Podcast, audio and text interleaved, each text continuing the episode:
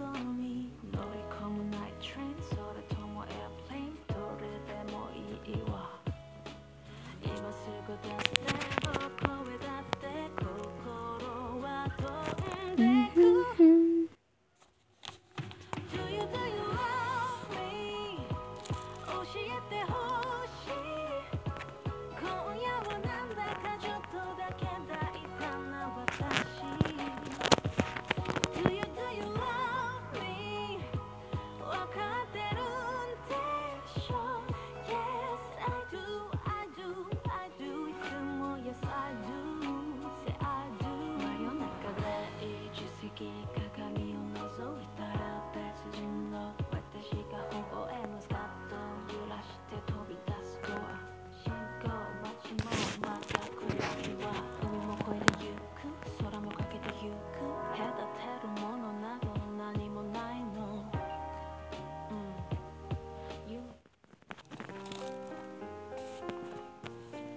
Halo Medor.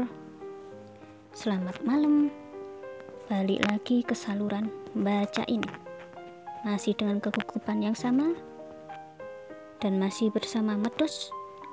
Bareng boneka kecil berbulu kuning Alias Polokochan Bacain apa hari ini? Malam ini kita bakal bacain dongeng dari Nicola Baxter kumpulan dongeng Sweet Dream karangan Nicola Baxter yang judul bahasa Indonesianya Mimpi-mimpi indah kisah-kisah menarik pengantar tidur. Alih bahasa oleh Lucky Natalia dan diilustrasikan oleh Pauline Seward. Jadi di buku ini selain ada dongeng juga ada gambar-gambarnya ya. Pokoknya medor kalau lihat langsung bukunya. Pasti seneng.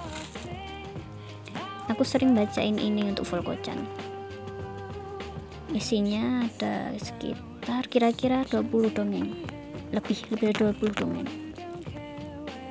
Dan penyajian warna yang bagus aku bacain cover belakangnya. Mimpi-mimpi indah. Kisah-kisah pengantar tidur dalam buku ini disusun untuk menciptakan mimpi-mimpi indah dan malam yang menyenangkan bagi anak-anak sehingga mereka menjadi tenang dan siap untuk tidur. Ilustrasi yang menakjubkan akan memperdalam kesan bagi anak-anak. Pilihlah tema cerita yang untuk mengakhiri hari mereka.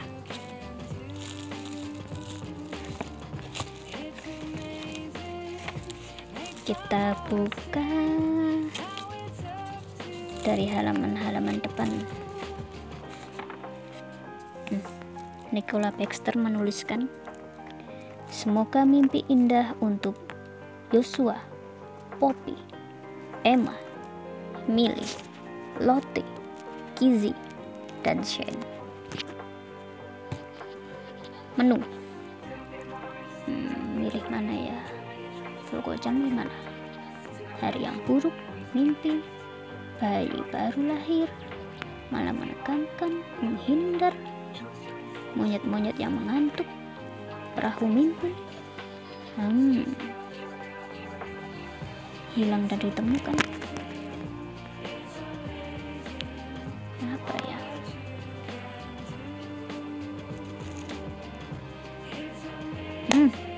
Tempat tidur terbaik, halaman 50. Halaman 50 masih bareng sama Jen. Dengan It's Amazing. Nah, tempat tidur terbaik dengan ilustrasi. Hmm, gadis kecil berpiyama pink membawa boneka beruang sedang ngobrol dengan ayahnya. Terus ada ranjang. Ada gajah kecil yang terjatuh dari dahan. Terus ada juga eh, burung beo di semak-semak.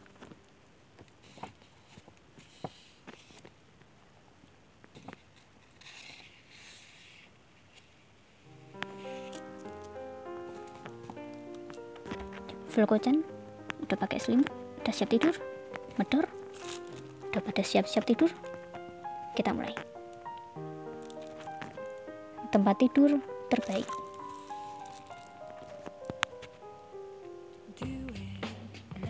Pada suatu hari ada seorang anak perempuan yang tidak mau tidur di tempat tidurnya. Pada tengah malam orang tuanya akan mendengar suara langkah suara pintu terbuka dan tertutup Suatu hari, ayahnya yang sangat mengantuk tidak tahan lagi.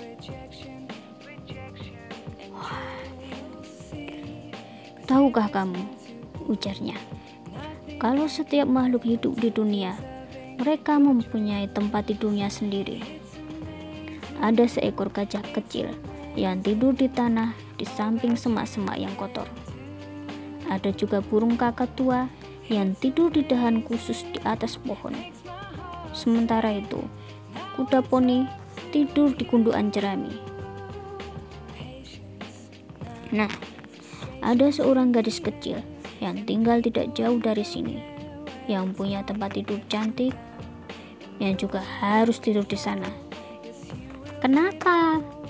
Tanya si gadis kecil. Karena, jawab ayahnya.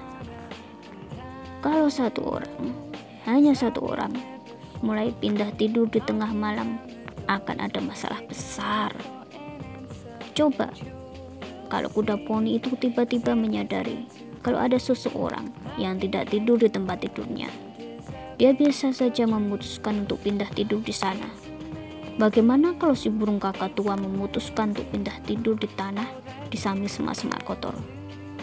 Di mana bayi gajah akan tidur? Tidak mungkin dia tidur di atas dahan, Ya, sudah jelas. Dia tidak akan tidur di sana. Menurut ayah, itu kabar buruk untuk si kakak tua. Gadis kecil itu pun berpikir sejenak. Dia menganggap cerita ayahnya masuk akal. Kemudian, dia kembali ke tempat tidurnya dan tidur di sana sepanjang malam.